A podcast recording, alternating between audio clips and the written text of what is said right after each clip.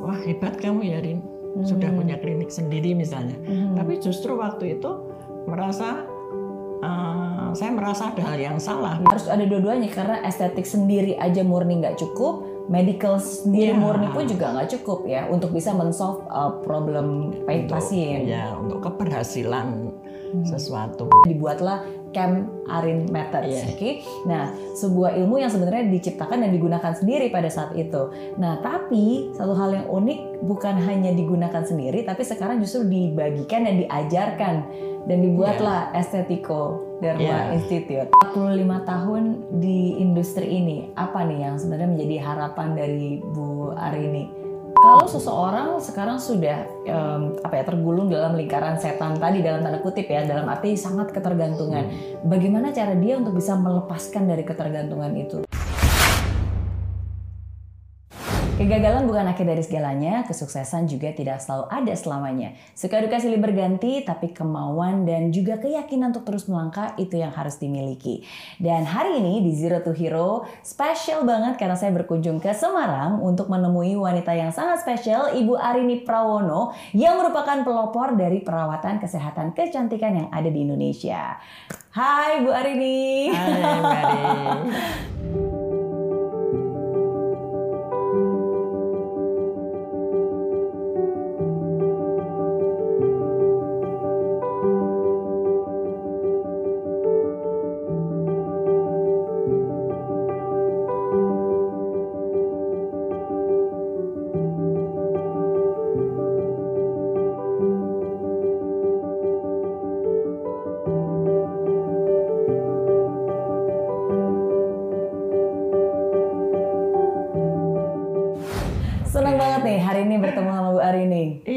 Yes, tadi kan saya bilang pelopor perawatan Perawatan, kesehatan kesehatan, kecantikan yang ada di Indonesia. Oke, Oke. berarti ini sebenarnya membuka klinik kecantikan. Eh, ya, identik dengan klinik kecantikan. Hmm. Jadi eh, dulu kan belum ada ini klinik kecantikan. Jadi dokter-dokter kecantikan itu waktu itu belum ada sama sekali. Hmm, yes benar ya kalau misalnya kita ngelihat mungkin beberapa tahun belakangan ini kan eh, dokter kecantikan itu menjadi salah satu profesi yang sangat diminati. Iya. Eh, banyak banget klinik-klinik kecantikan dan ini menjadi salah satu kalau misalnya anak muda disuruh pilih ya sudah pasti pengen jadi Iya. dokter kecantikan ya. Tapi pada zaman dulu itu Zaman- bukan pilihan yang mudah sebenarnya. Ya, lah itu di awalnya dulu. Sebenarnya saya dimulai kan sejak tahun 1976. Hmm. Hmm. Di mana tahun 1976 saya mulai menekuni dunia kecantikan, istilahnya masih sambil kuliah, Mbak Mary. Hmm. Terus sampai tahun 78. Setelah tahun 78, di mana di situ saya selesai kuliahnya selesai. Nah, di situlah ada satu apa ya kebingungan atau kegalauan untuk menentukan langkah Hmm. saya mau di kesehatan, eh, medik, atau mau di kecantikan. Kecantikan. Karena background saya kan dari Fakultas Kedokteran Umum. Hmm. Kemudian passion saya yang di kecantikan, Kecantikan. sehingga menjadikan saya sedikit kebingungan. Karena kok saya tertarik di ini sep- seperti tersedot lah di kecantikan itu. Oke. Kemudian dari situ eh, karena kegalauan tadi saya eh, mulai melangkah, mulai bingung waktu selesai itu. Akhirnya saya ada empat poin yang menjadikan untuk menentukan langkah saya itu. Oke, apa aja tuh? Nah, pertama eh, saya kalau waktu itu ya kalau ketemu dengan teman-teman saya yang dia memang jalurnya ke medik, jadi dokter di eh, puskesmas maupun di rumah, Rumah sakit, sakit. gitu. Itu saya merasa eh, mereka itu melihat profesi saya di salon itu seolah-olah merasa bahwa eh, profesi yang tidak prestisius. Hmm. Kemudian saya merasa, ah saya berarti mereka ini melihat saya dengan sebelah, Sebelah mata. mata, betul. Eh, jadi kayaknya eh, ya merasa tidak segolongan. Ya. Artinya profesinya kan berbeda. Padahal sebenarnya sama-sama lulusan kedokteran. Ya, tapi karena saya bukannya salon, itu Iya. kan orang eh, seolah-olah salon begitu. Nah, awalnya itu saya menjadi bingung juga, Hmm. apakah saya harus meneruskan ke dunia estetik, apakah ke medik murni gitu. Akhirnya saya yang kedua saya ketemu dengan seseorang uh, teman saya datang ke klinik mengantarkan istrinya waktu itu. Uh, istrinya perawatan. Terus teman saya ini mengatakan, tuh sayang Torin, kamu kok ndak uh, di jalur medik? Apa kalau enggak ya kamu ngambil spesialis SPKK dong, spesialis kulit. Kulit. Hmm, itu. Nah ini waktu itu seperti itu. Dan akhirnya Terpengaruh nggak kata-kata seperti itu? Nah, itu menjadi pikiran saya. Saya jadi sedih. Berarti saya melangkah yang salah dong. Iya. Uh, jalur saya ini salah. Kalau memang saya benar dan merasa disetujui oleh semua orang, pasti akan mengatakan, wah hebat kamu ya Rin, sudah punya klinik sendiri misalnya. Tapi justru waktu itu merasa uh, saya merasa ada hal yang salah berarti karena Orang melihat Iya, menyia-nyiakan sayang Iya, begitu. Padahal ada. saya juga berpikir banyak setelah itu. Kalau saya SPKK, Hmm. karena SPKK itu sebenarnya spes- dokter spesialis penyakit kulit dan kelamin Hmm. saat itu, sehingga saya juga saya kan nggak mau ke sana, saya kan mau ke yang cantik. bukan ya betul. sehingga oke lah. Nah itu poin kedua, Oke. membuat saya kebingungan. Iya iya. Terus Berarti pernah galau juga ya berarti Bu Iya. Arni. Nah, terus pada yang ketiga, eh, karena kebingungan, saya sampai di rumah, saya cerita sama orang tua saya. Hmm. Kedua orang tua saya cerita banyak. Akhirnya ayah saya ini mengatakan bahwa, ah, kamu di mana? eh, maksudnya kalau kuliah di mana itu tidak harus eh, di di bidangnya. Misalnya eh, ada seorang misalnya hukum, Ya. kuliah di hukum, tidak harus jadi pengacara katanya. Oke. Kan bisa, misalnya jadi dosen atau jadi apa, itu bisa. Ya. Kata, Oke, berarti orang tua saya cukup moderat, padahal biasa-biasa saja pendidikannya. Tapi ternyata bisa menerima itu. Oke. Kemudian ibu saya, ibu saya juga orang yang biasa-biasa saja di situ. "Eh, kamu kalau mau mengabdi itu di mana pun tuh bisa. Hmm. Pengabdian tuh di mana saja selama kamu berbuat sesuatu yang bermanfaat untuk orang banyak. Iya. Oke, berarti kedua orang tua saya memberikan Merestui. saya merestui. Betul, Nah, betul. itulah.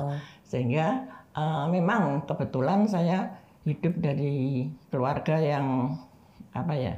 Karena ayah saya toko obat.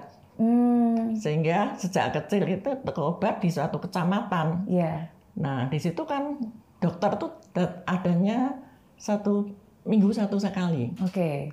Jadi seluruh sekecamatan sampai ke desa-desa pelosok itu semua kelurahan-kelurahan itu eh, toko obat satu-satunya. Oke. Sehingga terbiasa kita ini melayani kebutuhan Customer, orang banyak, orang banyak, ya. betul. Nah, Jadi ada keluhan saya, ada ini anak saya diare, anak apa. Hmm. Nah, itu waktu itu seperti itu. Iya iya.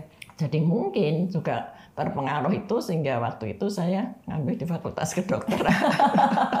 Tapi luar biasa loh support dari orang tua. Karena kalau saya membayangkan misalnya ayah punya toko obat terus di kecamatan yang sebenarnya dokter itu sangat jarang. Iya, betul. dan untuk sekolah kedokteran juga bukan sesuatu yang mudah kan? Dan Ibu Arini pada saat itu sudah lulus sudah menjadi dokter sebenarnya. Iya. tapi orang tua nggak memaksakan yuk Iya. dipraktekin aja. Tapi bebas mengambil Makanya itu keputusan. saya juga merasa ah, orang tua saya ini cukup bijaksana nih karena tahu passion saya tadi. Nah Iya. dari pertimbangan semua itu se- sampainya di rumah saya merenung dari semua empat poin tadi. Iya. Akhirnya secara apa ya, secara imajiner gitu, saya ada suatu kekuatan bahwa hari ini kamu bisa, kamu mampu. Buatlah yang luar biasa ini seperti keyakinan diri Wow. saya. Nah, toh kamu tidak ingin membuat suatu salon yang kacangan istilahnya. Iya. Tapi buatlah yang beda dan istimewa istilahnya. Kalau sekarang inovatif ya istilahnya. Kalau dulu istilahnya ya yang istimewa begitulah. Betul, Nah, dan itu- menggunakan segala macam pengetahuan, pengalaman, Ya. dan diaplikasikan ke dunia salon kecantikan pada saat itu Iya, ya. nah itu saat itu ya masih ya belum ada lah medik yang ke kecantikan. Ya itu tadi kondisinya seperti itu. Tahun berapa berarti Bu Arini? Jadi itu antara 76, 78. Oke. Kebingungan tuh setelah selesai kuliah itu jadi bingung. Iya, iya. Nah setelah itu uh, kalau, kalau boleh saya katakan, saya ibaratkan pada saat itu klinik kecantikan atau kesehatan kecantikan itu belum ada. Kalau Hmm. saya ibaratkan sebagai ya masih seperti padang pasir, Ya. di mana saya menemukan satu oase, yaitu harapan di situ sesuatu ini ada sesuatu, yaitu uh, oase kan sumber air di Betul. padang pasir itu. Nah, tapi setelah sekian tahun kemudian tadi uh, hamparan padang pasir itu sudah menjadi sawah yang menguning, yang siap dipanen. Yang siap dipanen, yang Nah. banyak diminati Ah, ya. nah, silahkan sekarang generasi muda ini adalah yang jadi eh, apa menjadi yang panen. Betul, betul. Sekarang kalau mau ke klinik, mau buka klinik nggak usah pikir dah, nggak usah seperti saya lah. Iya, nggak usah galau-galau ya. Iya. Justru makan dari sejak SMA banyak orang yang memang cita-citanya pengen buka klinik Iya, kecantikan. sekarang, betul, betul, betul. Ya tapi memang tidak mudah untuk menjadi seorang pelopor, seorang pioneer ya karena dibutuhkan visi dan juga keyakinan, tekad dan keberanian untuk Betul, melangkah. betul. Karena kan um, Ibu Ari ini berarti mem- membuka jalan, ya Iya. kan? Mm-mm. Um, berarti pada saat itu akhirnya dibukalah uh, klinik Salon. yang namanya uh, Karisma. Ya, pada waktu itu istilah klinik kecantikan kan belum ada. Jadi istilahnya salon kecantikan, hmm, salon perawatan kecantikan kulit. Ya. Jadi eh, di awal tahun 90 eh sorry eh, 1976 itulah mulai awalnya kan sampai tahun 78 ya berkembang terus dan akhirnya saya menekuni terus sepanjang itu. Hmm. Nah kemudian eh, sampailah pada tahun tu- 87. Hmm. Kalau tadi saya katakan itu 76, 78 itu adalah embrio lahirnya klinik kecantikan Iya. pada tahun 87 bukannya 9 bulan kemudian tapi 9, Sembilan tahun, tahun. kemudian Di Lama ya melahirkannya. 9 tahun kemudian lahirlah klinik kecantikan role model Hmm. klinik kecantikan yang sampai hari ini semua eh, kita lakukan di Indonesia ini. Iya. nah Saya sempat melihat uh, foto-fotonya oh, perjalanannya dari sejak tahun uh, ya itu tahun 76 Iya. ya kan Bu Arin Bu Arini sendiri yang benar. Ada pasiennya juga. Iya, sampai akhirnya ya udah terbentuk yang mungkin sekarang lebih dikenal dengan istilah klinik kecantikan. Iya. tapi padahal pada satu tahun 87 tujuh. Belum juga. Pada Hmm. waktu itu eh, tahun 87 itu eh, saya pindah di satu lokasi yang lebih luas Hmm. hampir 1000 meter kemudian di situlah saya mulai menata ulang Hmm. eh, dengan konsep mediknya ini lebih kita tonjolkan Oke kemudian juga eh, apa ini eh, metode-metode mulai kita jalankan dan model klinik kecantikan itu mulai saya lakukan Hmm. karena begini bedanya dengan klinik kecantikan dan eh, salon kecantikan. Kalau salon kecantikan itu biasanya hanya orang datang merawat, Hmm. ya, merawat. Kemudian biasanya minta, "Eh, bu ada ndak merek A, merek B, merek C. Oke Karena apa? Merek, eh, merek A, merek B, merek C ini adalah yang di pasaran mungkin rame, Iya. terkenal gitu. Sehingga sebuah klinik, eh, sebuah salon kecantikan itu harus menyediakan berbagai macam merek. Hmm. Karena ah saya nggak mau, saya biasa pakai A kok, saya mau minta B. Oke Dan tujuannya adalah untuk merawat. Artinya eh, perawatan ini adalah membersihkan, merawat, memupuk, ya membuat sehat. Oke, Itu aja. oke. Nah kemudian kalau klinik kecantikan eh, beda. Hmm. Jadi orang datang kemudian didata Hmm. pakai satu kartu yang kartu kartu Seperti kayak dokter ya, kayak itu, gitu kartu data, Eh, riwayatnya. riwayatnya di mana namanya siapa pernah pakai apa Hmm. apa itu sudah dimulai di tahun Oke 87 itu sehingga modelnya sudah model klinik kecantikan dari wawancara, anamnesa, Iya. kemudian setelah diagnosa kita membuat planning apa perawatannya. Perawatannya. Dan setiap orang berbeda berarti kan Pasti. karena kan keadaannya Iya, kondisinya juga harus berbeda. dianalisa dulu. Betul. Produk pun nggak boleh sama. Hmm. Kalau yang nggak tahu ya semua dibuat sama semua. Iya. Nah kemudian uh, satu lagi adalah biasanya orang datang tadi kan minta produk. A, produk B. Nah ini nggak ada orang minta produk A, ya adanya punya di klinik kita aja. Kan kita satu merek kan. Waktu itu sudah lahir produk Biurin. Oke. Biurin itu sudah lahir. Dan 87 itu? Ya, 87. Oh, wow. Ya, Oke. 87 sudah ada BP POM dan saya izin-izin resmi. Nah, itu sudah lahir waktu Iya. itu. Nah, yang kita pakai ya itu pertama. Jadi eh, utama produk utama kita adalah itu. Sehingga eh, apa? Kalau klien datang nggak ada alternatif, "Bu, saya mau pakai A atau B atau nggak ada.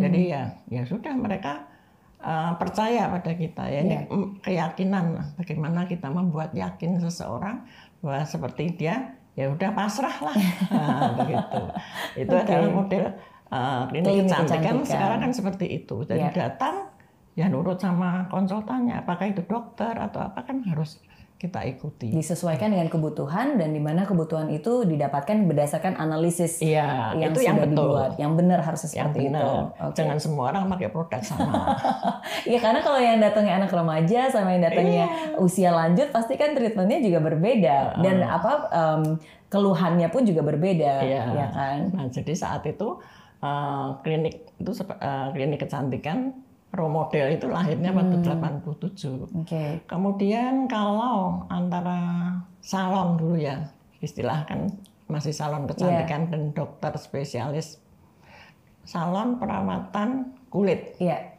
Yang satu lagi adalah dokter spesialis penyakit kulit dan kelamin. Iya. Itu yang ada yang kontaknya ada kulit-kulitnya itu itu saat itu. Hmm. Nah, tapi di situ eh, dulu adalah merupakan suatu hal yang sangat berbeda. Hmm. Itu dulu saya katakan. Nah, kalau sekarang kan sudah ada satu perubahan yang banyak lah ya. Iya, sekarang mereka sudah mem- memerge ya atau mem- Iya, mem- mengawinkan ya. Iya, kalau itu dulu seperti itu. Kenapa seperti itu? Itu dari pengalaman saya. Mhm. Misalnya klien saya kayaknya ada problem yang sangat heboh. Hmm. Sangat heboh itu jerawatnya besar-besar seluruh wajah kayak gitu. Akhirnya eh, saya rujukkan kan Mhm. ke dokter spesialis kulit. Karena saya sudah merasa ini bukan ranah saya, ini sudah mulai eh, penyakit Medical, lah, penyakit, medical lah ya.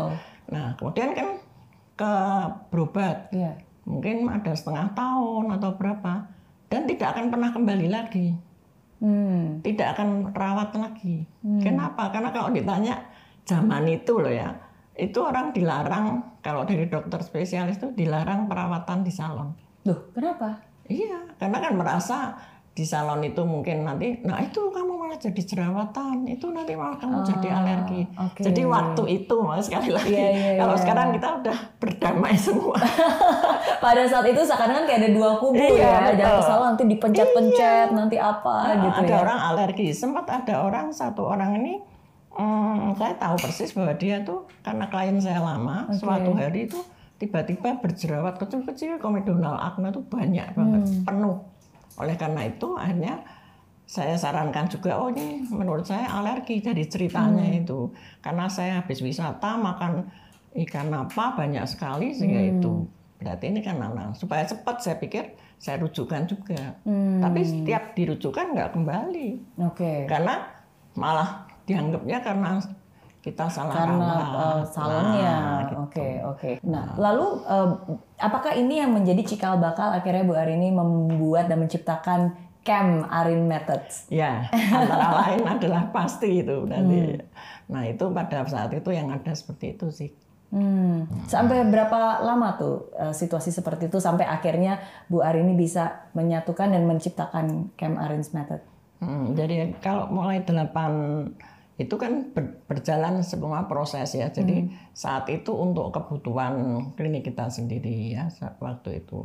Jadi dipakai belum kita siarkan untuk umum Oke. lah kayak gitu. Oke. Terus sampai akhirnya Baru dipakai di uh, Karisma waktu itu Iya, ya. Karisma. Kemudian sampai setelah berkembang menjadi Karisma Aesthetic Center, kemudian tahun 2008 ada satu cabang yang waktu itu izin klinik mulai ada, ada peraturan. Sebelum itu nggak ada peraturan. Hmm. Oh iya.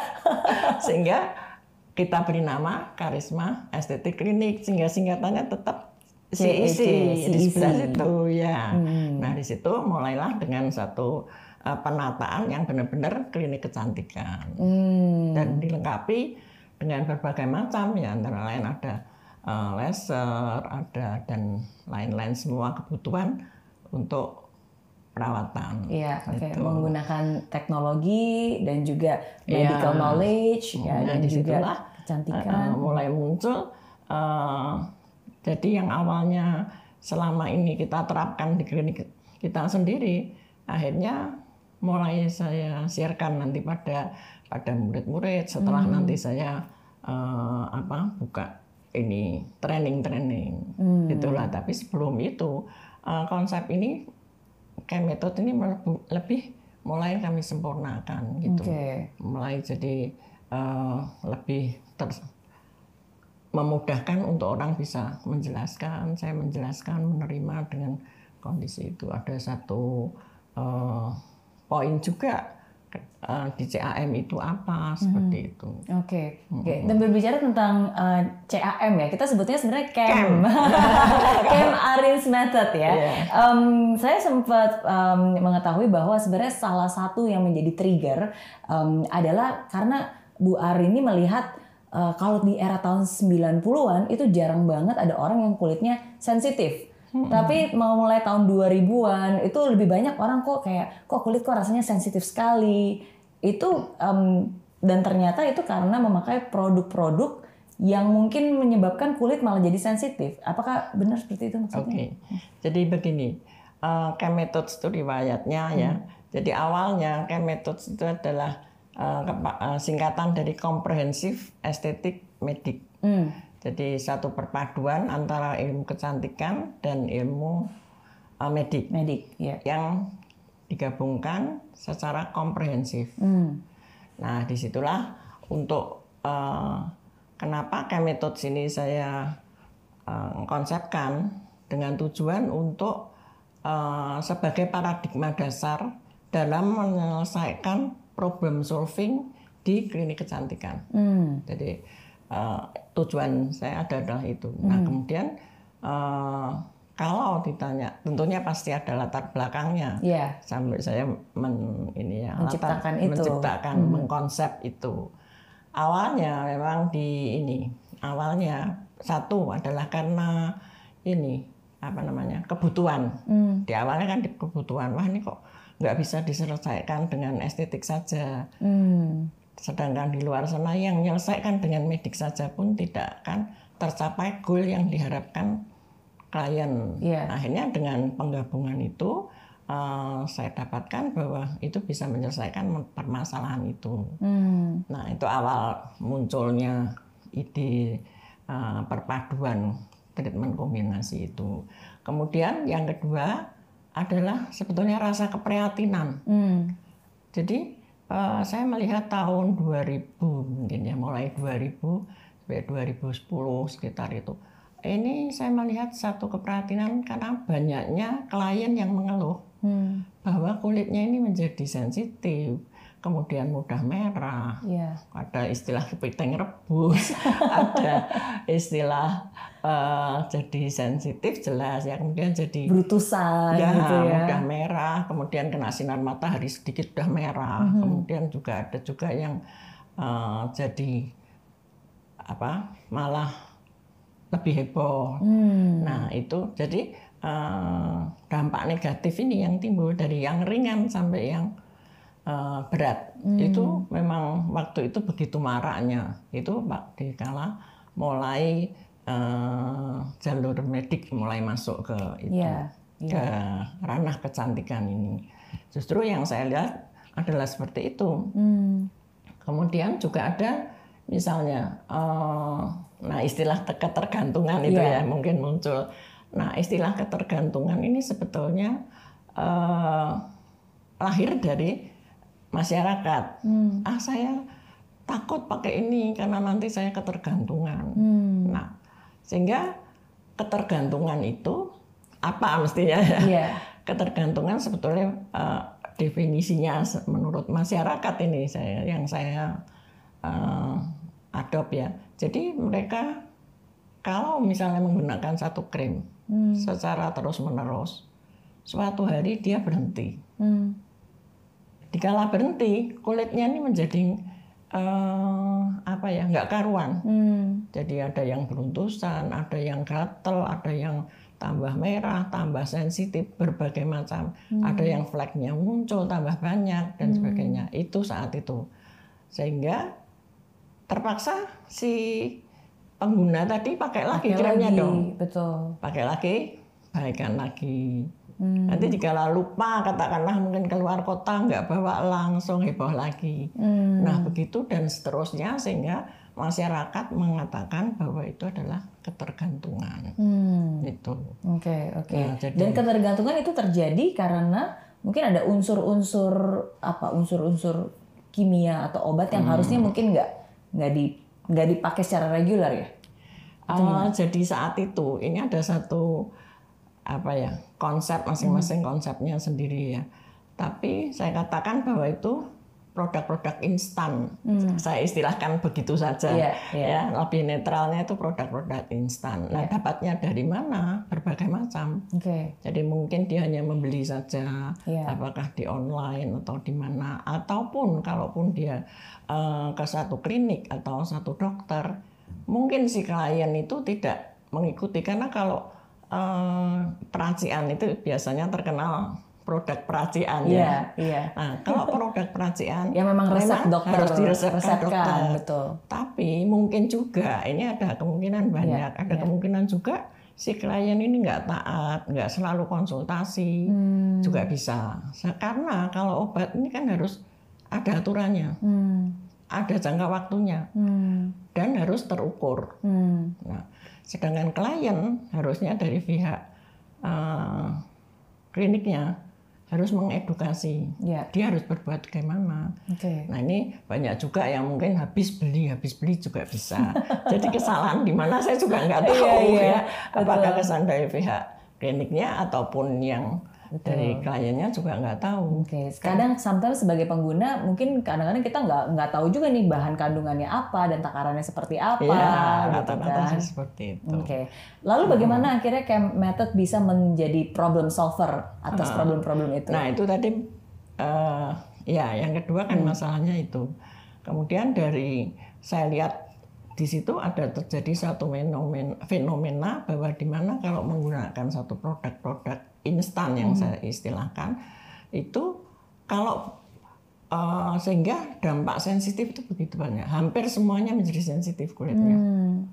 Nah, sehingga menurut menurut saya itu adalah seperti suatu hipotesa Hmm. yang kalau saya pakai produk instan berhenti sensitif. Positif. Oke. Sensitif itu kalau dulu orang sensitif itu saya berani katakan satu persen karena kalau sebulan gitu belum tentu ada satu dua orang keluhan sensitif. Mungkin itu adalah sensitif bawaannya. Hmm. Tapi kalau yang sekarang ini kan saya katakan bahwa itu sensitif didapat Hmm. kan Oke. lahirnya enggak Betul. terus berhubung segala Eksternal sesuatu ya. nah itu atau acquired sensitive skin sensitive skin yang didapat menurut saya begitu banyaknya yang luar biasa ini merupakan ya saya anggap eh, saya merasa itu suatu hipotesa Ya. akhirnya yang nanti perlu satu pembuktian Iya. itu kemudian eh, dari semua ini akhirnya saya juga mengadakan untuk meyakinkan diri saya saya mengadakan studi banding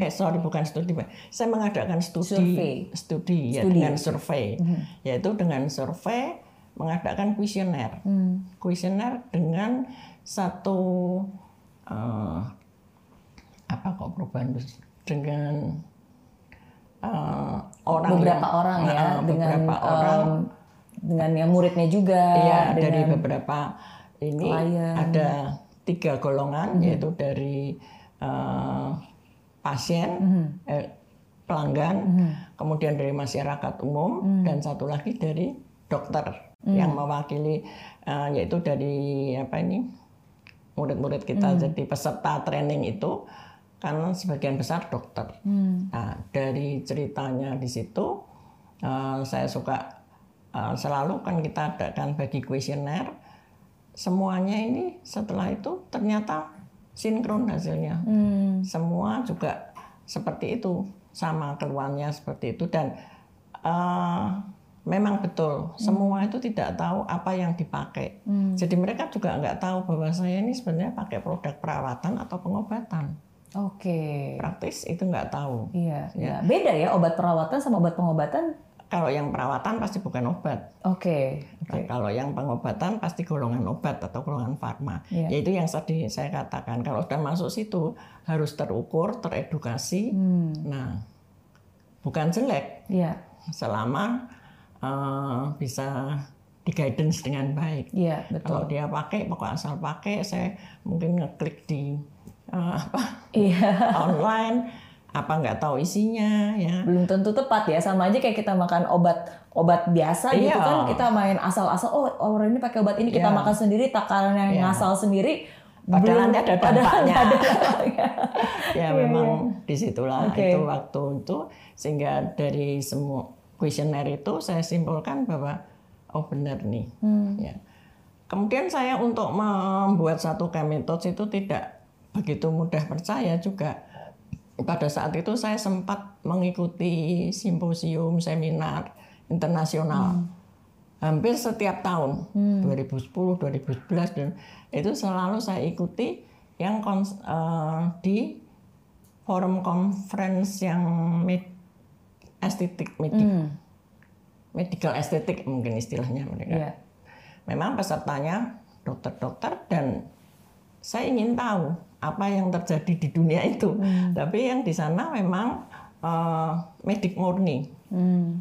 jadi kalau misalnya tindakan estetik pun yang terkait medik, misalnya filler, botok atau injek atau Oke. apa, atau mungkin laser.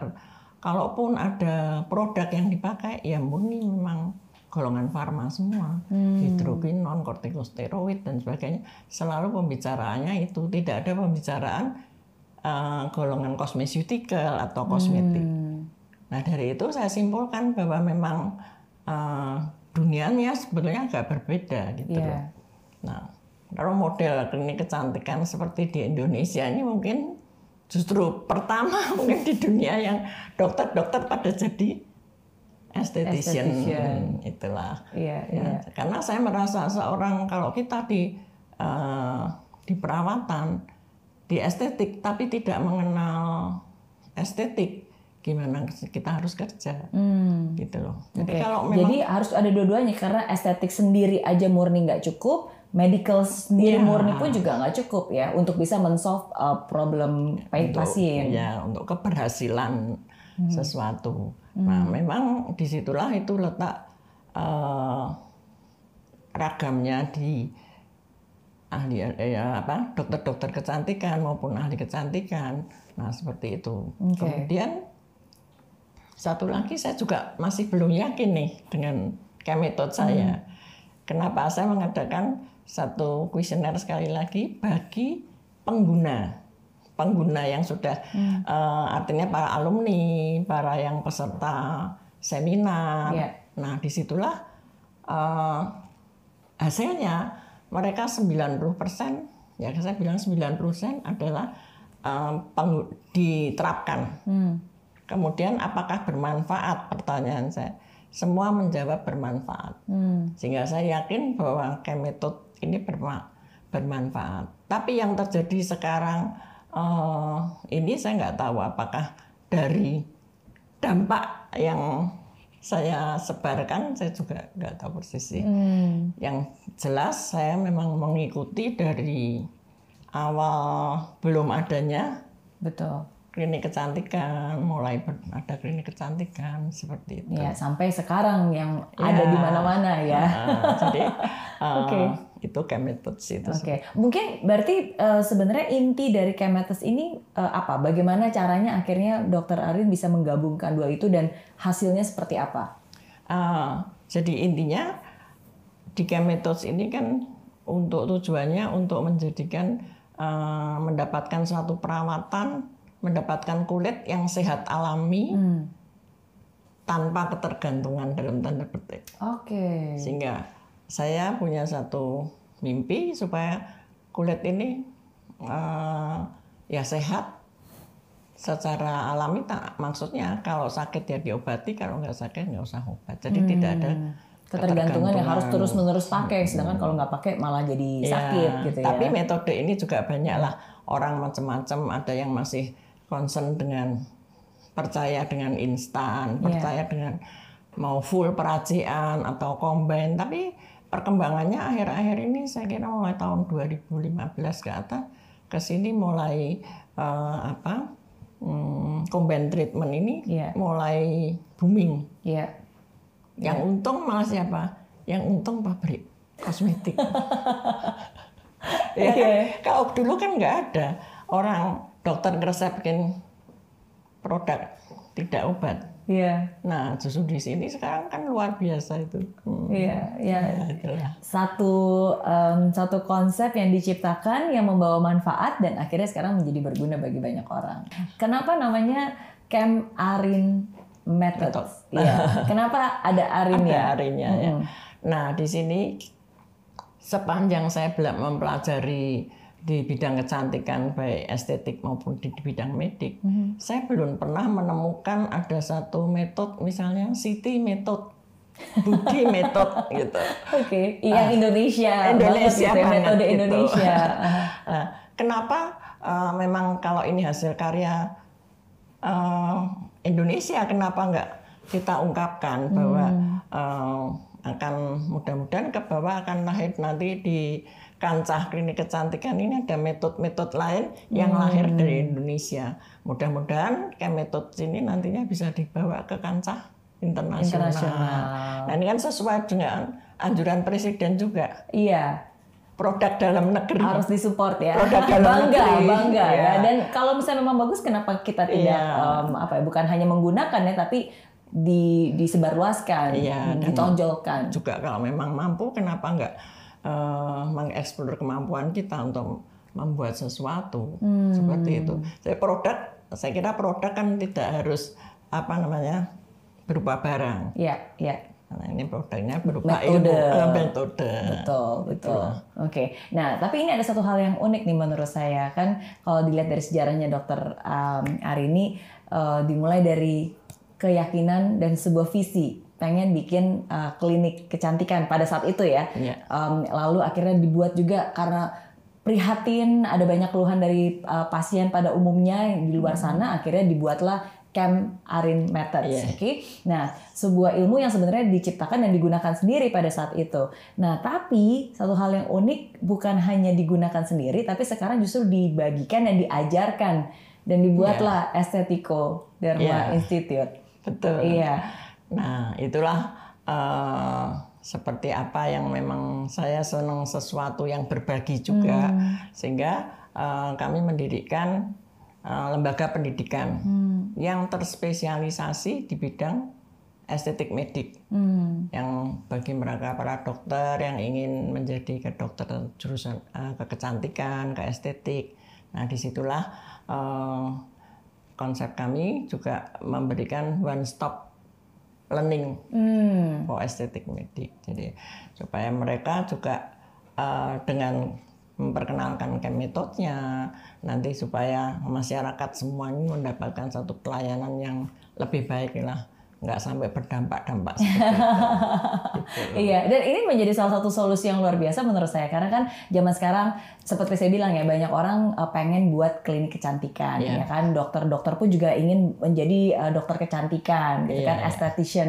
Um, tapi um, dengan adanya pelatihan dan maksudnya dokter Arini pun juga membuat sebuah training yang komprehensif Iya. nggak butuh waktu berbulan-bulan atau bertahun-tahun Uh, bahkan sebenarnya hanya waktu seminggu dua minggu Iya, Iya kan? ada program. ada programnya. Karena gini programnya ini dipadatkan. Mhm. Jadi karena semua yang belajar ini semua adalah Mhm. profesional, dokter-dokter sehingga tidak punya waktu banyak. Hmm. Sehingga oleh karena itu kita buat eh, kita padatkan eh, ada yang program satu minggu tapi full dari pagi sampai malam Hmm. sampai sore. Kemudian ada yang program dua minggu, tiga minggu dan seterusnya tergantung eh, waktu dan kebutuhan daripada eh, dokternya ini mau sampai ke mana dia. Oke, Seperti itu. oke. Dengan membuat em, estetiko ini bukankah akhirnya malah menelurkan kompetisi kompetitor-kompetitor lain ya? Karena makin banyak akhirnya dokter yang nanti buat klinik Iya. kecantikan bukankah itu sebenarnya malah kompetisi Iya. buat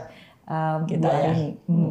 Sebetulnya eh, ilmu maupun segala sesuatu tuh kan bukan milik pribadi kita. Hmm. Kita harus bagikan kepada semua orang ya kepada semuanya eh, harus kita tularkan lah apa ilmu yang kita punya dan kita membuka memang ada kadang-kadang pertanyaan buka klinik kok buka kursus. Hmm. Nah, tapi itu bagi saya enggak karena yaitu berbuat sesuatu yang bermanfaat untuk orang banyak antara lain bagi para dokter-dokter yang awal-awal Iya. ini juga sekarang menjadi ada satu seperti lahan baru lah. Hmm. ya. Kalau dulu mungkin eh, karena mungkin dokter banyak sehingga dokternya hanya di ini tertanya GP ya yang apa dokter umum ya. Rata-rata kan ah, saya di klinik 24 jam atau mungkin buka sendiri yang sepi dan sebagainya. Dengan adanya ini ini ada suatu apa ada satu pandangan baru bahwa ini pun sebetulnya di bidang ini pun luar biasa gitu loh. Sebetulnya penuh tantangan. Makanya saya suka bilang eh, jangan menyepelekan di bidang estetik ini karena eh, di situ pun tidak kalah peliknya dengan di kesehatan umum. Oke. Nah, gitu. Oke, oke. Berarti tahun berapa nih mulai berdiri Estetiko Dharma? Estetiko sebenarnya gini, Estetiko itu kalau lembaga pendidikan saya sebetulnya sudah memulai sejak tahun 80 itu sudah ada. Tapi bentuknya masih diperuntukkan ini salon, Oke. salon perawatan kulit. Mhm. Nah, pesertanya ya dari situ salon perawatan kulit. Eh, itu tahun mulai 80. Iya. Mungkin Mbak Mary belum lahir nih. saya lahir, saya lahir 80 pas. Nah, kemudian dengan berkembangnya waktu eh, itu tapi diikuti kan tadi beautician. Iya. Nah, selain itu juga pada saat itu saya juga sudah mengadakan seminar-seminar bentuknya. Hmm. Tapi ya khusus pada ini salon-salon istilahnya. Hmm. Terus berkembang terus sampai akhirnya tahun 2005 itu mulailah medik pada masuk ke estetik. Oke. 2005. Karena saya ingat persis pada tahun 2009 saya mengadakan satu seminar Hmm. eh, yang kita tawarkan untuk dokter-dokter itu pesertanya hanya 25 orang loh. Hmm. Karena belum banyak yang Belum tahu. banyak yang aware, tahu ya. betul. Terus kemudian 2010 ngadakan lagi sudah langsung melonjak menjadi 100 orang. Iya. Berikutnya lagi terus setiap tahun kan kita juga ngadakan itu jenisnya seminar. Dan akhirnya makin lama makin diikuti oleh seluruh Indonesia. Hmm. Sampai dengan tahun 2013 yang saya buat satu buku Golden Opportunity. Oh oke, ini ya. Itu Nah, pada- ini Golden ada- Opportunity. Ya, ini justru saya sharing kepada teman-teman medical bahwa eh, ini loh ada golden opportunity di estetik klinik. Hmm. Nah, itu ceritanya menguak 37 tahun. Wow, 37 tahun menguak Saat jalan itu. di dunia estetik medik. Saat Iya. itu ya 37 Iya. tahun. Sekarang udah 45 tahun. Gitu. wow. Oke. Jalan emas meraih sukses bisnis klinik kecantikan. Tetap saya sharekan. Ini loh ada satu ini. Oke, dan bukan hanya dari buku saja seperti saya bilang, akhirnya kan juga ada pelatihan yang terakreditasi, Oh iya. ya kan? Kemudian ini di sela-sela itu tahun sekian akhirnya sampai pada 2008. 2005 sudah mulai kayak metode mulai masuk tapi belum lah. Mulai 2008 lebih sempurna lagi 2010 dan sebagainya. Es- dengan nama Estetico Derma Institute. Mulai 2015 itu mulai dengan nama Estetico Derma Institute. Jadi eh, dengan satu kurikulum yang memang kita peruntukkan eh, kebutuhan dari seorang dokter kecantikan itu apa. Jadi ada kurikulumnya, kemudian juga terakredit terakreditasi nasional maupun terakreditasi internasional Hmm, di situ dengan satu bentuk satu kelas yang formal lah ya Iya. dengan tenaga pengajar uh, yang masing-masing kompeten di bidangnya. Iya. Tidak satu orang kan banyak di mana-mana ada tuh uh, ngadakan training nih. Yang ngajar cuma satu orang, mana mungkin ilmu satu orang begitu. Hmm. Nah, di sini ada apoteker, dokter spesialis kulit juga tetap ada, Oke. esthetician yang punya satu apa ya set uh, level internasional Iya, seperti iya. Dan ada ujiannya terakhir. ya dan itu memang tidak semua uh, pendidikan di sini seperti itu. Jadi kita sempurnakan selesai mengikuti ujian nasional. Iya. dengan memperoleh sertifikat nasional istilahnya ya. Kemudian yang nas internasional juga ada. Iya, bekerja sama dengan uh, institusi yang ada di UK ya. Iya betul. Kerjasama. Jadi kita juga kerjasama dengan internasional. Juga tadi yang mensertifikasi ini kan kerjasama dengan lembaga sertifikasi profesi namanya. Sehingga dapatnya sertifikat itu juga Garuda Iya, gitu. iya. Sehingga itu sebetulnya dibutuhkan oleh eh, dokter-dokter untuk mengurus izin. Hmm. Kalau klinik kecantikan kan harusnya ada Izinnya, ada sertifikatnya. sertifikatnya. Nah, sertifikatnya ini, nah ini yang mau eh, di samping itu kita kenapa mendirikan ini lembaga Esteticoderma Institute yang khusus dokter kecantikan. Karena selama ini saya melihat bahwa para praktisi dokter-dokter kecantikan yang buka klinik kecantikan itu rentang kompetensinya itu sangat lebar. Hmm. Artinya kalau 1 sampai 10 yang punya kompetensi 7 8 ya ada pastinya ya. Nah, tapi yang 2 3 ini masih banyak. Gapnya besar ya. Heeh, yang misalnya saya baru lihat YouTube, oh cara merawat gitu buka Oh, buka praktek estetik. Karena merasa ah gampang kok. iya. Ada juga yang mengikuti eh, pendidikan yang mungkin hanya sehari Iya. dapat sertifikat. Karena pihak yang dari apa pemberi izinnya sendiri juga mungkin karena baru ya, jadi belum belum tahu terlalu dalam seluk beluknya. Pokoknya sertifikat estetik it's okay gitu. Hmm. Padahal bukan itu. Iya, iya. dibutuhkan yang memang harus benar-benar mengerti bagaimana kamu menganalisa kliennya. Kalau enggak enggak apa enggak ada dasar pastinya enggak akan ngerti. Setuju sih, karena em, ada beberapa skills yang memang bisa kita dapatkan secara otodidak. Hmm. Tapi ada beberapa skill yang sebenarnya otodidak aja nggak cukup, harus benar-benar proper, ada strukturnya, Iya. terakreditasi, apalagi hal-hal yang berhubungan dengan medics ya. ya harusnya kan itu berhubungan dengan perawatan kulit ya, Betul. dengan manusia kulit manusia. Sehingga kita juga harus eh, benar-benar sebisa mungkin kita bisa memberikan yang terbaik untuk klien kita. Ya, jangan sampai memasukkan klien kita ini ke dalam pusaran ketergantungan tadi. Ya, seperti itu. Ya, ya. Kan? Berarti masa pembelajarannya kalau di sini berapa? Seminggu. Oh, lamanya. Ah, ah. Tergantung. Jadi ada program A, B, C, melanjut, lanjut gitu. Oke, Tapi kayak seminggu, seminggu, seminggu. Jadi ah saya mau ikut yang panjang ya silahkan. Oke. Tapi saya nggak ada waktu ikut yang pendek dulu nanti Bisa lanjut ya? lagi bisa.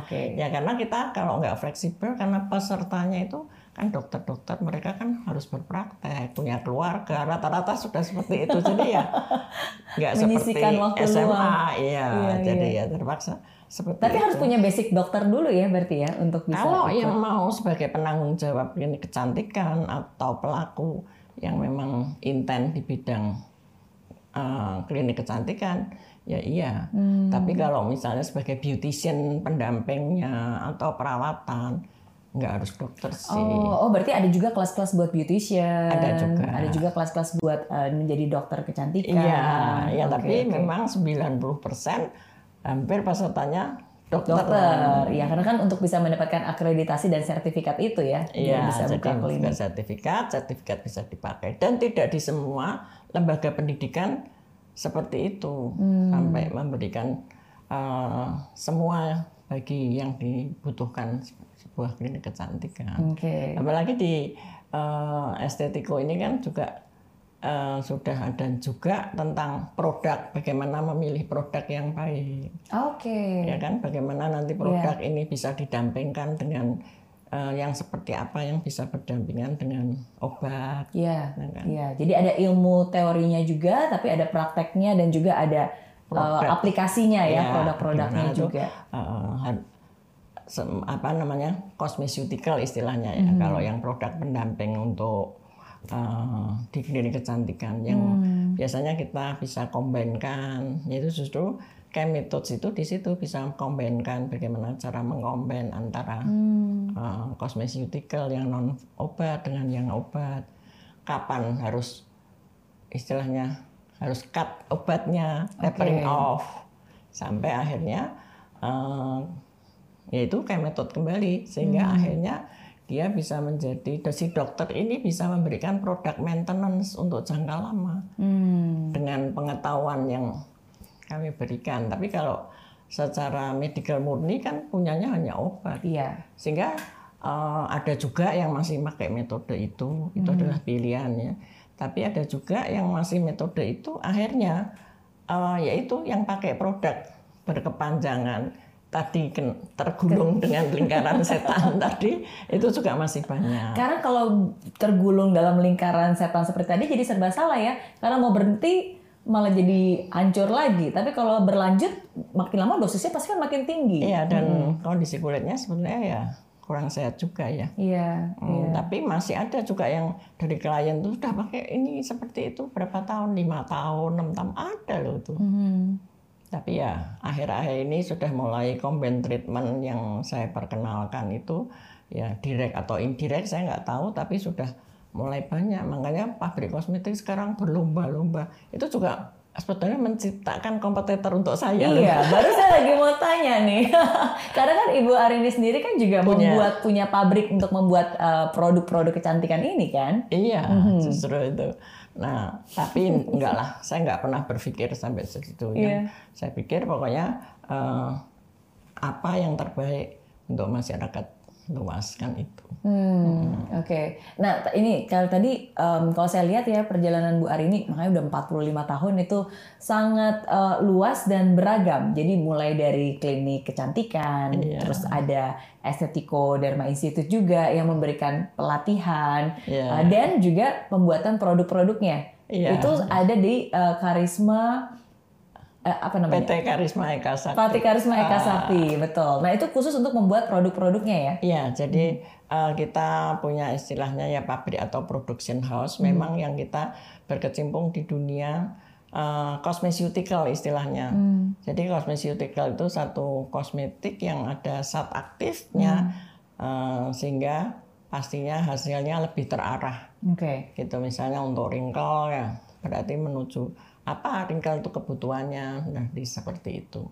Nah itu istilahnya cosmeceutical ya.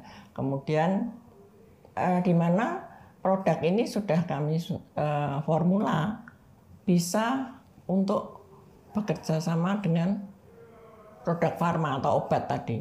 Kan Oke. combine kadang-kadang kita kan ngasih resep obat. Oke, oh malamnya pakai obat, siangnya jangan. Atau Iya, ini iya, setelah iya. ini obatnya kita lepas.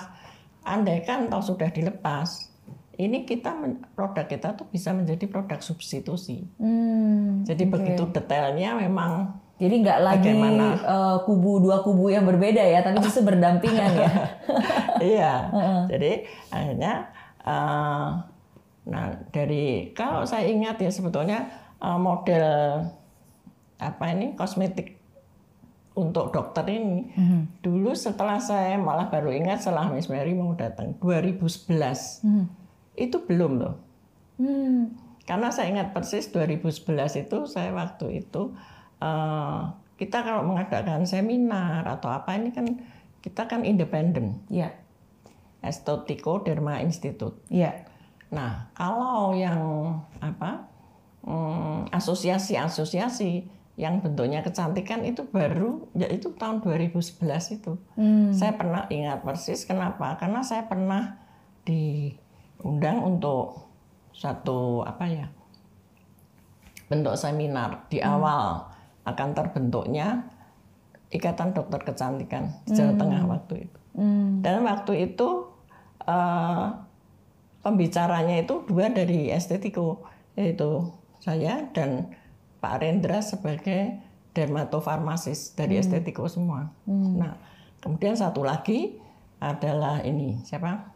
Ada dokter lain lah. Dia punya produk untuk kaki perawatan kaki. Saya tidak begitu kenal lupa saya. Ya hanya tiga itu. Kemudian bootnya penjualan itu penjualan produk ya hanya biwet saja. Kalau saya ingat kembali karena Miss Mary mau datang, saya ingat-ingat.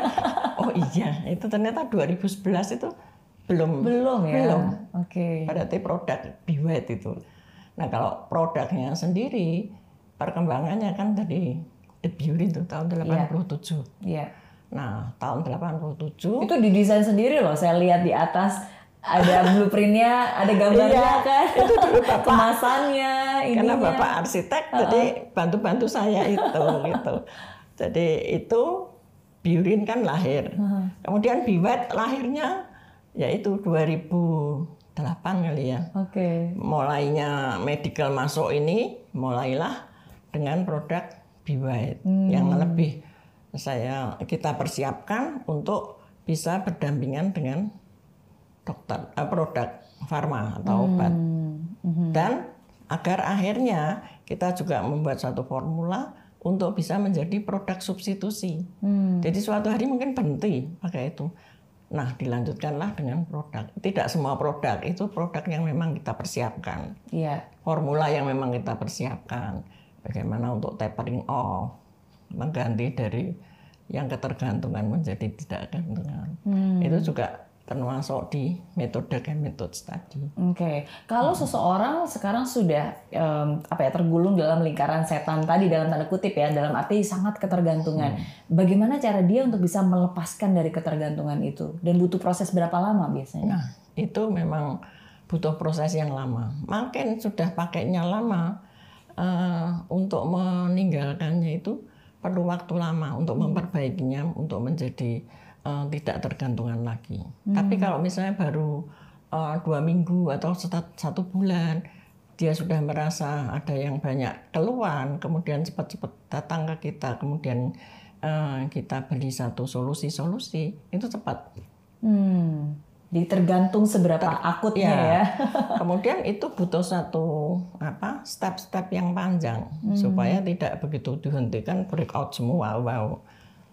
Nah itu dari ini sebetulnya eh, banyak sekali orang eh, apa akibat dari menggunakan produk itu sampai luar biasa itu banyak sekali. Makanya kenapa saya keprihatinan itu ya ada yang tadinya cantik-cantik eh, di, suatu kota besar, wah dia profesional lah cantik. Suatu hari pindah ke satu daerah yang agak kotanya agak kecil, karena kotanya agak kecil sehingga dia eh, tidak tidak ada mungkin atau habis ya produknya. Dia beli di toko, padahal punya merek loh waktu itu, ada merek itu.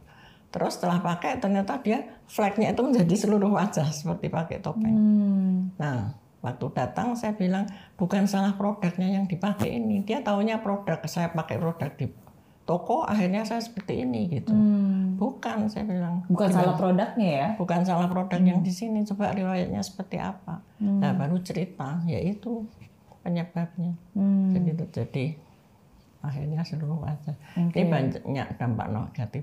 Yang sampai kena psikonya juga ada. Iya. Jadi ada klien sekali datang belum mau, belum berani. Dua kali datang belum juga. Itu dengan eh, suaminya. Itu sudah janggal. Masa mau kecantikan kok suaminya nganter. Dua kali belum. Sampai suaminya maaf ya. Ini karena ketakutan sekali. Trauma mungkin Iya. sebelumnya. Jadi ya kayak orang paranoid akhirnya. Iya. Terus sampai ketiga baru dia yakin dan mau perawatan. Ya akhirnya nggak nggak ada masalah. Iya. Gitu. Iya. Sebegitu dampak negatifnya yang menyebabkan saya prihatin itu. Iya, pasti lah Bu Arini karena wajah itu kan aset ya dan wajah ini kan Iya. nggak bisa digantikan. Jadi kalau eh, gara-gara salah atau gimana tiba-tiba jadi eh, hancur atau jadi heboh itu kan pasti sangat mempengaruhi kepercayaan diri Iya, juga. betul, betul. karena kan yang terlihat dari orang kan otomatis Iya. wajah. Karena kan aw- awalnya kan kepingin saya jadi lebih cantik, saya lebih ini. Yang didapat seperti itu. Jadi ini seperti apa ya ya itu istilah awam bilang eh, menyatakan ketergantungan tapi apakah bisa tidak seperti itu saya yakin bisa Hmm. Itu dengan kayak metode step-step yang kita benar pastinya bisa terhindar dari semua. Karena saya sendiri pernah kena melasma dan sampai hari ini saya nggak pernah pakai yang namanya golongan farma hidrokinon atau apa. Itu kan merupakan satu uh, obat yang memang uh, jadi masih gold treatmentnya nya gitu loh. Tapi Very akhirnya strong ya. Apalagi zaman sekarang kan katanya ada dicampur mercury. Uh, ya kalau merkuri itu sebenarnya sudah lama dilarang kok Oh iya, Udah tapi lama banget. masih ada aja orang Iya. yang mau masukkan ya. Uh, kalau masih diperbolehkan dengan resep Oke, dan dengan kadar yang tertentu. Iya, kan itu dengan satu panduan lah ya. Itu pun karena eh, lihat di luar seperti itu, saya berusaha tidak, saya tidak melangkah ke sana untuk saya sendiri. Nyatanya toh bisa. Hmm. Tergantung juga kita harus punya strategi seperti itu. Oke, oke. Hmm. 45 tahun di industri ini, apa nih yang sebenarnya menjadi harapan dari Bu Arini? Hmm. Oke, harapan saya sebetulnya eh, agar semua masyarakat ini menerima dapat dirawat dengan eh, mendapatkan hasil kulit yang sehat Hmm. tanpa ketergantungan Hmm. dan eh, atau bebas dari apa ya dampak negatif lah. Jadi kulit sehat alami lah gampangnya. Kalau semua masyarakat seperti itu kan jadi happy ya, Iya. nggak usah ada dampak yang terjadi sampai problemnya saya seperti ini, seperti ini. Betul. Sebenarnya kan ada yang bilang mencegah lebih baik daripada mengobati. Oke, Benar ya. kan? Betul, Jadi betul, sebelum wah muka jadi heboh lebih baik Nah, dicegah itulah. Hmm. dulu perawatan. Ada nggak sih tips-tips khususnya buat buat yang usianya mungkin udah mirip-mirip kayak saya gitu kan menjelang 40. Apa sebenarnya yang harus kalau bisa kan sebenarnya dirawat dari dari dari muda ya, dari 20 tahun, 30 tahun. Hmm. Ya, mau mungkin kalau yang terkait aging ya mulai 30 tahun ke atas harus mulai ada perawatan karena di situ mulai terjadi satu penurunan ya. Jadi ya tentunya dengan satu apa pencegahan ya preventif. Eh, jadi mulai dirawat, mulai kalau memang istilahnya kan mulai ada sel-sel yang mulai males nih Oke. untuk regenerasi. Nah, dis, distimuli, distimuli Oke. ya gitu untuk meregenerasinya ini sehingga eh, mencegah terjadinya keriput, Iya. mencegah terjadinya flek kayak gitu. Sehingga sampai ini eh, nanti kulitnya tetap bagus kayak Oke. gitu. Jadi Ya. ada caranya ya. Ya, sebetulnya ada Ada langkah-langkahnya yang harus langkah-langkahnya. di ini. Oke, oke. Em, kalau dari perjalanan selama 45 tahun nih, apa titik terendah yang pernah eh, Bu Arini alami dalam membangun eh, semua ini? Oke. Kalau ya, kalau saya bilang suka duka, Iya. gitu ya. Kalau suka, lebih banyak sukanya sebetulnya bagi saya sih, karena saya ini memang orang yang menikmati semua pekerjaan. Jadi tidak ada sesuatu yang hasil yang instan ya dalam bekerja.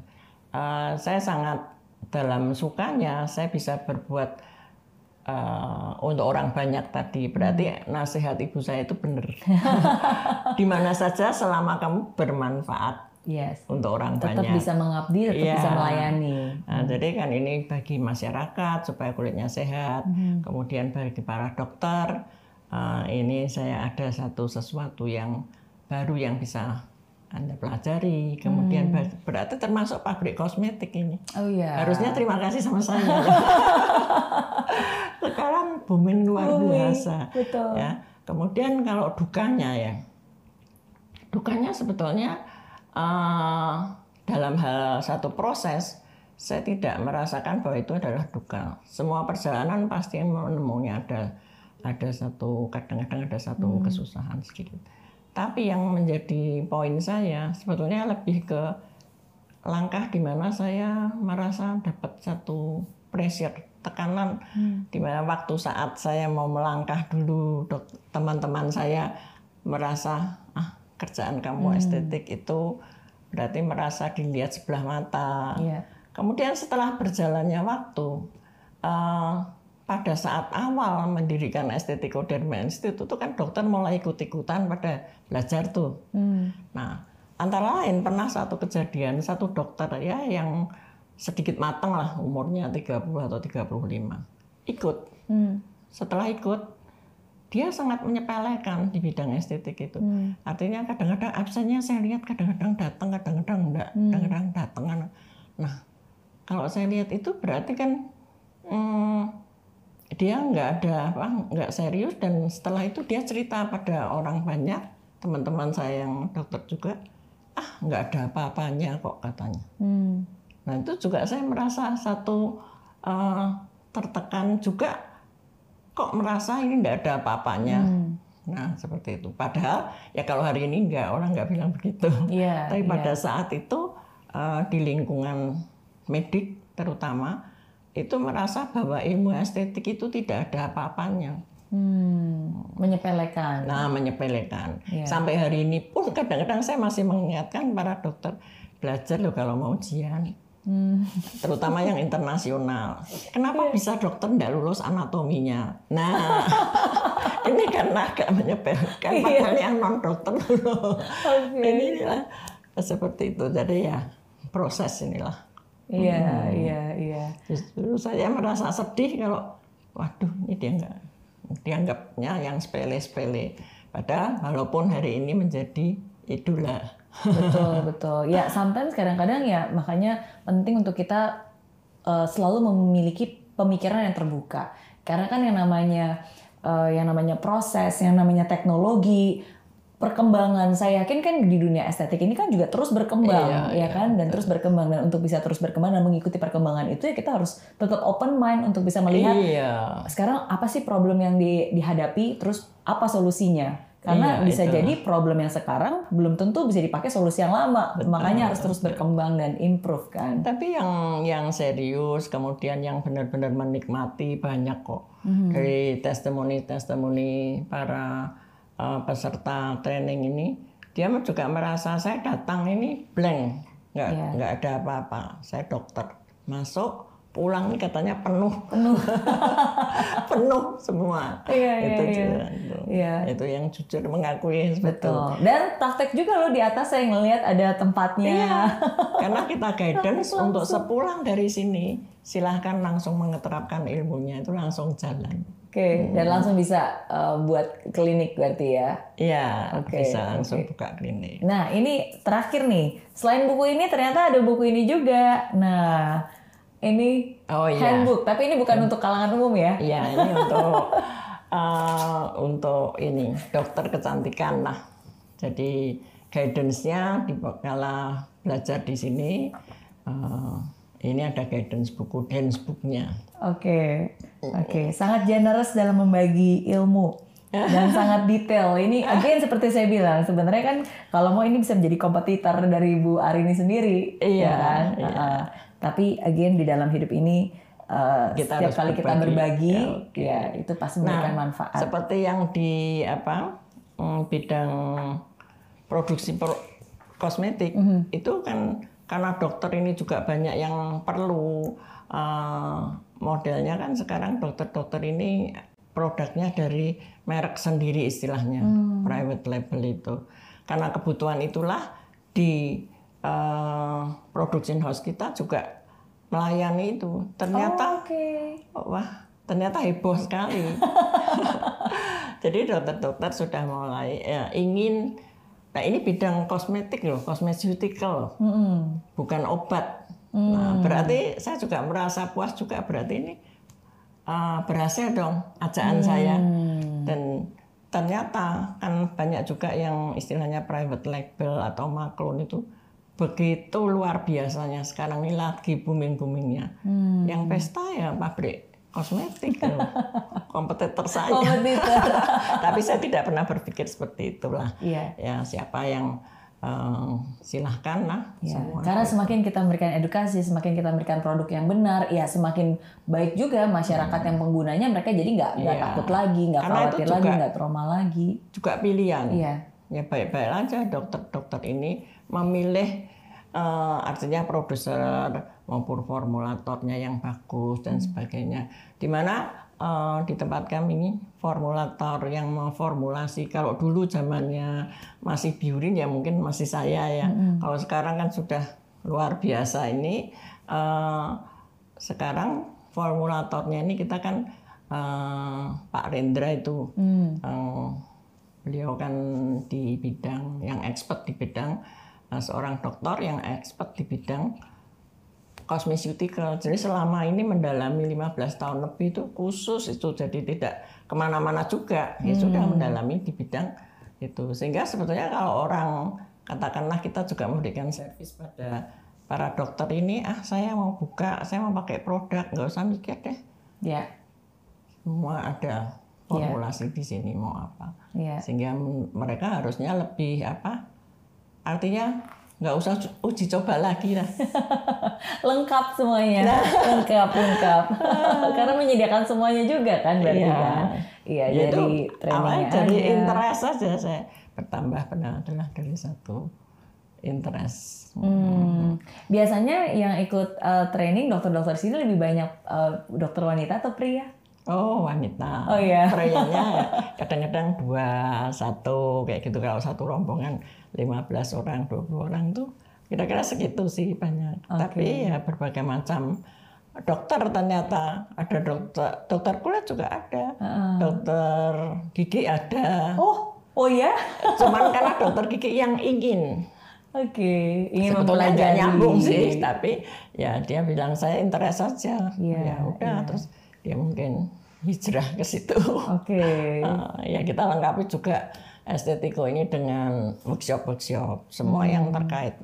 Ya itu saya kepingin one stop learning itu Hmm. untuk estetik medik ceritanya seperti itu. Iya. Dan nggak harus datang ke Semarang ya, di Jakarta juga ada kalau nggak salah ya. Ya kita kalau estetiko punya cabang di Jakarta Oke. hanya satu. Tapi kalau mau lengkap ketemu sama founder dan juga ownernya dan juga pendirinya harus datang ke Semarang. Iya. Iya. Nah, untuk ini ya, apa namanya, konsumen mungkin saya ada pesan untuk eh, bagaimana untuk masyarakat umum sebagai konsumen, bagaimana saya harus bersikap kan mungkin seperti itu. Mungkin pesan saya jadilah konsumen yang cerdas. Hmm. Artinya cerdas harus eh, memilih produk yang benar, Hmm. memilih tempat perawatan yang benar. Yang benar ini artinya ya sudah jelas bahwa konsultannya ini eh, kompeten, terakreditasi, bukan asal-asalan kliniknya misalnya. Kemudian kalaupun produk juga benar-benar tahu yang dipakai. Memang banyak juga orang nggak tahu saya ini pakai obat atau pakai Iya, karena Hmm. kadang-kadang orang awam kita nggak bacain ingredientnya, baca pun juga nggak ngerti.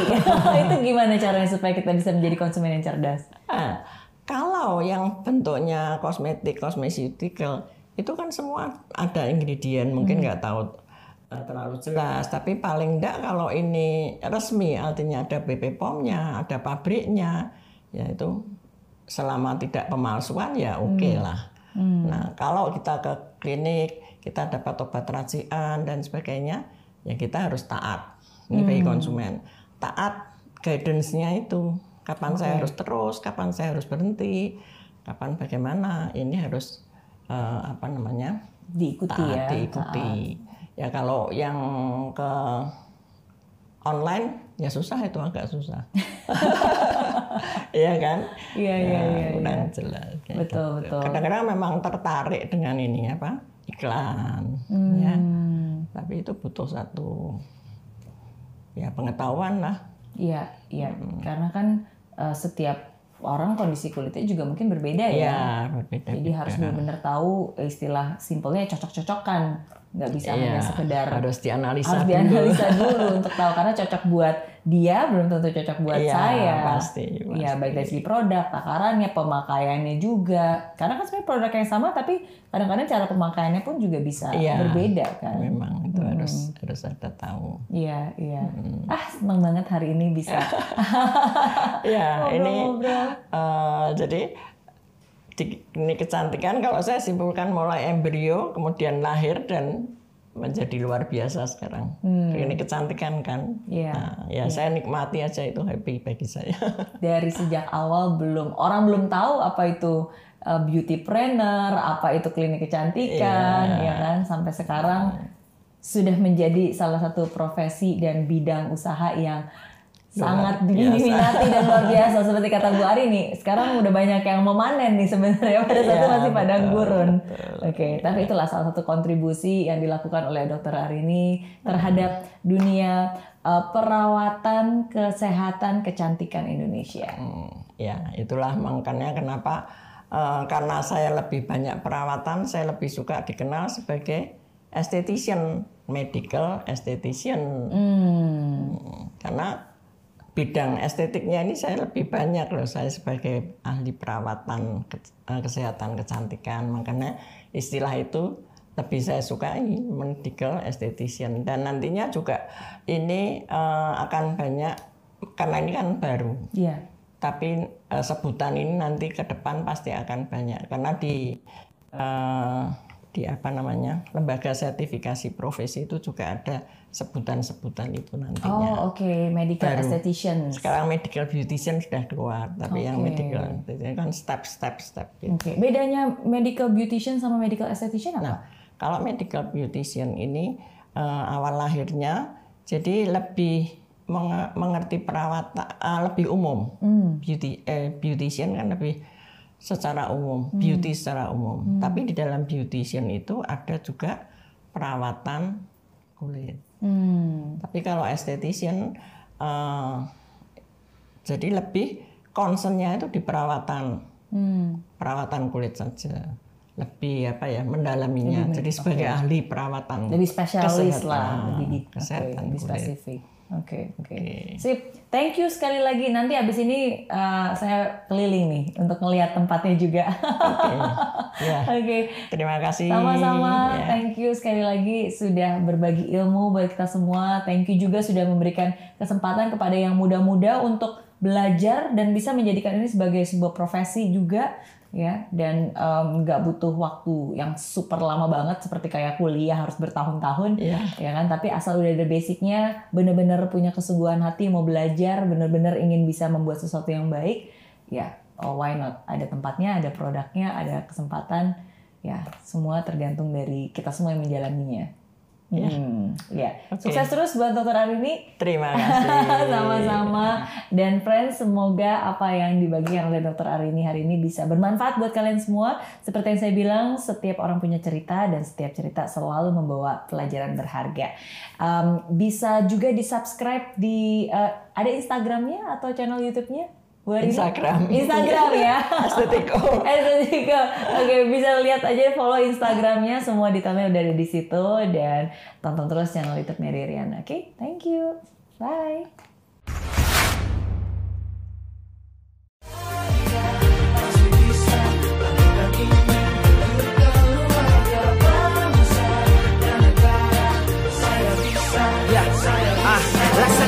Tanpa hujan, hidup tanpa tujuan, kering dan mati tanpa hijaunya tumbuhan. Ah, demikian kalau mimpi tak kunjung terjadi.